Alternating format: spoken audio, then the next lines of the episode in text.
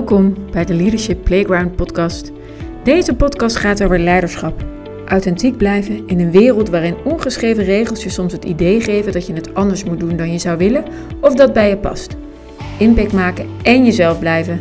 Ik, Lonneke Titulaar, ga je met ideeën, verhalen en praktische tips helpen om jouw eigen vorm van leiderschap te vinden, waarbij authenticiteit centraal staat. Vorige week had ik een gesprek met iemand over mijn deelname aan de CPC in Den Haag. Ik ben namelijk, ehm, of ik heb zondag de 10 kilometer gelopen. En toen ik haar sprak, moest dat nog gebeuren. Uh, en daar was ik ook best wel een beetje zenuwachtig voor. Want ik wist ook niet zeker of het ging lukken. Ik had nog maar 8 kilometer getraind aan één stuk door. Dus, maar ik dacht wel, ja, als ik 8 kilometer kan, dan moet 10 toch ook wel te doen zijn. Nou, ik wist nog niet welk tempo. Nou, bla bla bla. Ik had het met haar dus over. Um, hoe ik dat zag zitten en hoe en wat. En toen zei ze op een gegeven moment van zo, 10 kilometer, dan moet je wel erg sportief zijn om dat te kunnen. En ik keek haar aan en ik dacht, maar ik ben helemaal niet sportief. Ik hou niet eens van sporten. En tegelijk, dat, tegelijkertijd dat ik dat dacht, had ik ook meteen de realisatie, maar dat is helemaal niet waar. Kijk, ik vind mezelf niet sportief. En dat komt denk ik ook wel door het beeld dat ik heb van een sportief iemand. Ik zie dan iemand voor me die echt super actief is, het liefst elke dag sport en in alle sporten ook heel goed is. En zelfs toen ik wedstrijd roeide, vond ik mezelf niet sportief. Ik trainde zeven tot negen keer in de week. Ik deed alleen dat. En de reden dat ik roeide was de lol van de competitie.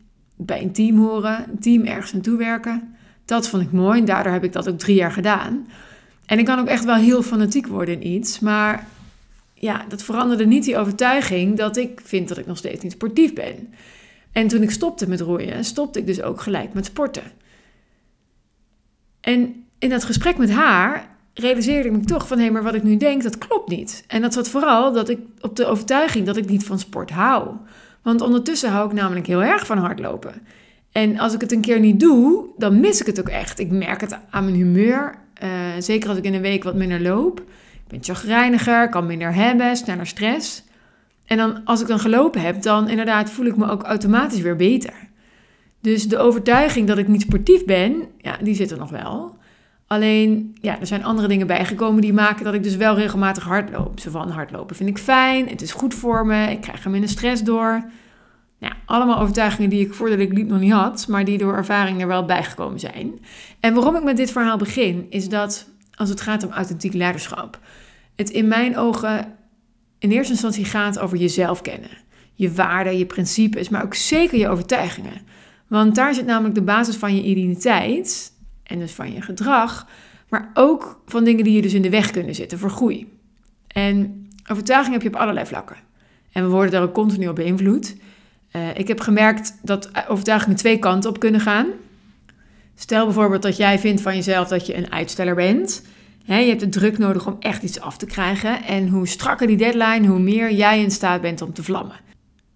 En doordat je dit denkt, zul je ook zo gaan gedragen. Je zoekt de deadline, je wacht tot het laatste moment. En waar je kan, zal uitstel misschien ook leiden tot afstel. En andersom is het ook zo dat je op zoek gaat naar die bevestiging van dat gedrag. Dus als jij weer een deadline op het laatste moment hebt gehaald, door een nacht door te trekken in plaats van op tijd te beginnen, word je bevestigd in je overtuiging en zul je hier dus nog meer in meegaan. En hè, wat we allemaal weten, als je blijft doen wat je altijd al deed, krijg je de resultaten die je altijd al had. En ja, dat is volgens mij ook waarom leren buiten je comfort zit. Als je tegen jezelf zegt dat je iets niet kunt, ja, dan ga je dat ook geloven. Hè, ik kan niet goed presenteren, ik kan niet goed rekenen, ik ben niet goed in stukken schrijven of brieven schrijven, ik kan niet goed plannen of organiseren. Ja, en als je dat maar vaak genoeg herhaalt, Ehm, dan ga je ook op zoek naar de bewijzen dat dat ook zo is. Je merkt vooral de keren dat je kritiek krijgt op je stuk. Of dat je een planning niet haalde. Of dat het allemaal minder strak liep dan je had gehoopt. En elke keer wordt dat beeld wat je hebt dus weer bevestigd. En dan kom je in een neerwaartse spiraal. En die overtuiging van het niet kunnen wordt dan dus ook hardnekkiger. En het grappige met leren is dat er twee, ook weer twee overtuigingen kunnen zitten. Even zwart-wit gezien. Weet je, je hebt de overtuiging, oh, ik kan dit nog niet, maar ik ga dit leren. Weet je, dan ga je uit je comfort, maar wel met de overtuiging dat je het gaat leren en dat het dus gaat lukken. En vaak lukt het dan dus ook. En het kan nog steeds een hele oncomfortabele reis zijn, maar je bent overtuigd dat je het eindresultaat gaat halen. En lastiger wordt het als je iets wil leren, maar overtuigd bent dat je dit toch niet gaat leren. Ik had dat vroeger met zingen. Even een klein voorbeeld.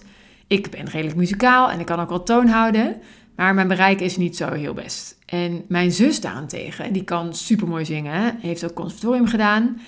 En ik dacht alleen maar, ja, zo goed word ik toch niet. En ik ben het dus ook niet eens gaan proberen. Door mijn overtuiging ja, ben ik het dus niet gaan proberen. En ja, ik kan dus nu ook nog steeds niet heel goed zingen. En op het werk had ik dat ook.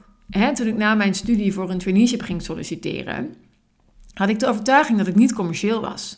Dus alle traineeships die daarop gericht waren, denk marketing, sales, die kant, uh, ja, die heb ik bijvoorbeeld uitgesloten. Want ik zou dat toch niet kunnen. Ik vond het ook allemaal niet leuk, ik wilde dat niet. En nu, 15 jaar later, denk ik, hoezo? Hè, ik kan het nog niet, nog steeds niet, maar ik wil het wel leren. En ik steek dus nu met een totaal andere energie zo'n zo'n leerervaring um, of zo'n leertraject in. En zodra je dus een gedachte krijgt, maar dit kan ik toch niet. Misschien moet je het dan juist gaan doen. Want dat bouwt ook weer zelfvertrouwen. Als jij denkt dat je iets niet kunt en met kleine stapjes ontdek je dat, je het, dat het toch wel lukt, ja, dan wordt je zelfvertrouwen groter en ga je nog meer geloven, ga je het sneller leren. Denk bijvoorbeeld aan netwerken. Als jij steeds denkt, oh, ik ben helemaal niet goed in netwerken, ik heb niks te vertellen, het is ongemakkelijk, wat heb ik nou te bieden? Ja, dan zul je inderdaad niet vanzelf je netwerk opbouwen. Je zult dan je best moeten doen om dat te draaien. Ehm, en het is niet makkelijk, maar het kan wel. Hè, de volgende keer dat je ergens bent waar je weinig mensen kent, zeg je tegen jezelf: Ik ga toch in ieder geval één leuk gesprek voeren. Hè? Alle andere tien mogen ongemakkelijk zijn, maar één gesprek wordt leuk. En als je dan merkt dat het ook zo is, dan krijg je vertrouwen. En de volgende keer denk je: Oké, nu kan ik er wel twee. Nou ja, en op die manier, met die kleine stapjes, bouw je je vertrouwen op.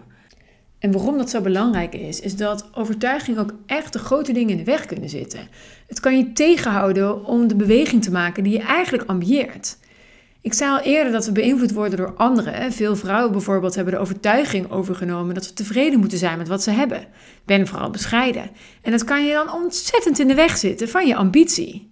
of een uitspraak die ik twee weken geleden nog hoorde van een vrouw. Ja, ik wil maximaal drie dagen werken per week, want ik ben niet voor niks zwanger. Ik wil niet voor niks kinderen. En heel eerlijk, ik heb die uitspraak echt nog nooit uit de mond van een man, horen komen. En dat wil niet zeggen dat er geen mannen zijn, hè, geen aanstaande vaders die dit denken en daardoor minder gaan werken. Maar het is ook nog steeds een hardnekkige overtuiging bij veel vrouwen. En ook dat, ik zeg niet dat het goed of fout is, maar dat je wel kritisch mag zijn erop. Hè, denk je dat echt zelf of doe je het omdat je denkt dat dit hoort? En als ik heel eerlijk naar mezelf kijk hierin, en ik gok dat ik hiermee behoorlijk wat oordelen mijn kant op ga krijgen, als ik dit ga vertellen. Maar ik ben na de geboorte van mijn eerste kind vier dagen gaan werken. He, wel gewoon 36 uur, later 40. Want ja, ik dacht, die avonden pak ik toch wel. Dus ze kunnen me, kunnen me er maar beter voor betalen. Maar op vrijdag was ik thuis met de kids. En heel eerlijk, ik denk dat ik dit vooral deed omdat het zo hoorde als moeder. Ik wilde namelijk ook een goede moeder zijn. Dus een overtuiging van anderen heb ik van mezelf gemaakt. En ergens klopt het dan niet. En uiteindelijk het is niet dat ik hier niet blij mee was, maar zeker niet altijd. Ik wilde namelijk ook nog gas geven op mijn carrière. En dat kwam er vaak op neer dat door mijn functies ik op vrijdag nog gebeld werd of gemaild of er moest nog iets af. Uh, of ik moest er even overleggen. Hè, incidenten waarop geacteerd moest worden, dat soort dingen. Dus er waren dagen dat ik eigenlijk denk dat mijn kids niet per se een voordeel hadden bij dat ik thuis was op die vrijdag. En waarom ik dit vertel? Omdat dit absoluut te maken heeft met authentiek leiderschap. En dat klinkt heel groot, dat valt ook wel weer mee. Maar ergens was ik niet eerlijk naar mezelf. En heb ik mezelf dus aangepraat aan wat ik dacht dat hoorde. Ik ben al eenmaal die vrouw die houdt van hard werken. En ik ben ook graag een goede moeder. Maar voor mij zit dat niet in hoeveel ik thuis ben om letterlijk voor ze te zorgen. Dat zit veel meer in die aandacht die ik voor ze heb als ik er ben. En juist op dat punt kwam ik voor mijn gevoel tekort. Doordat ik me had laten overtuigen dat het goed was om. Dus het, ja, ook op die manier kan je in een cirkeltje komen. En overtuigingen kunnen dus behoorlijk in de weg zitten. En, maar je dus ook ontzettend helpen. En het is gewoon interessant om hier voor jezelf dieper op in te duiken. En als je dat lastig vindt, ja, doe dat met een coach. Uh, wat zijn overtuigingen die in de weg zitten om te zijn wie je wilt zijn? Wat zijn je belemmerende gedachten? En hoe kan je die ombuigen? En zelf vind ik het altijd minder interessant hoe die overtuigingen tot stand gekomen zijn. Eh, maar soms kan het ook wel helpen om ook die ontdekkingstocht te maken. Ehm, om ze dan daarna te kunnen buigen. Uh, want hè, vaak komen overtuigingen of gedrag voort uit een mechanisme dat we hebben aangeleerd toen we klein waren. Iets wat toen heel nuttig voor je was om te doen, maar je nu niet meer dient. En als je dat inziet, ja, dan kan je die soms ook makkelijker veranderen. Maar dat hoeft niet altijd. Vaak als je bewust bent van wat er speelt, kun je nadenken of dit nog iets is wat jou dient of dat je dat toch wil veranderen, ongeacht waar het vandaan komt. Het ligt er dus aan wat jij een fijne manier vindt en hoe diep je erop in wilt gaan. Ik weet dat ik ooit bijvoorbeeld bij een psycholoog ben geweest vanwege faalangst. En zij zou me gaan helpen. En in dat eerste kennismakingsgesprek ging ze heel veel vragen over mijn leven op dat moment, maar ook vroeger, mijn jeugd. En toen ik vertelde dat ik een gehandicapt zusje heb, nou, dat was het. Ging ze er alleen nog maar om door, want alles zou dan toch wel daar ontstaan zijn. Nou, ik ben er dus na dat gesprek ook nooit meer geweest, want ik dacht, wat een onzin. Uh, en ik gok, waarschijnlijk heb ik gewoon een hele slechte psycholoog gehad. Uh, maar wat ik dus wil zeggen is dat het voor iedereen anders is, hoe je ermee omgaat en op welke manier je daarmee wil werken. Hè? Ontdek het voor jezelf. Uh, misschien ook wel gewoon door te proberen. Je kan van uh, zelfhulpboek tot psychiater en alles ertussenin. Het kan helpen om je te, om te verdiepen en te onderzoeken wat je drijft, wat je overtuigingen zijn en hoe je die wel of niet, um, hoe je die helpen en of je daar dus iets aan wil veranderen. En nou, het kan best een pittige zoektocht zijn, maar als het gaat om authentiek leiderschap en echt staan voor wie je bent, um, ja, zie ik dit wel echt als een, een belangrijke factor. Nou, dank weer voor het luisteren naar deze aflevering. Als je het een leuke aflevering vond, geef me vooral een goede beoordeling in Spotify of Apple Podcast. Helpt me enorm om mijn bereik te vergroten. En als je vragen hebt of ideeën voor een onderwerp, laat het me vooral weten via een DM op LinkedIn of op Instagram at. Tot de volgende keer en nog een fijne dag.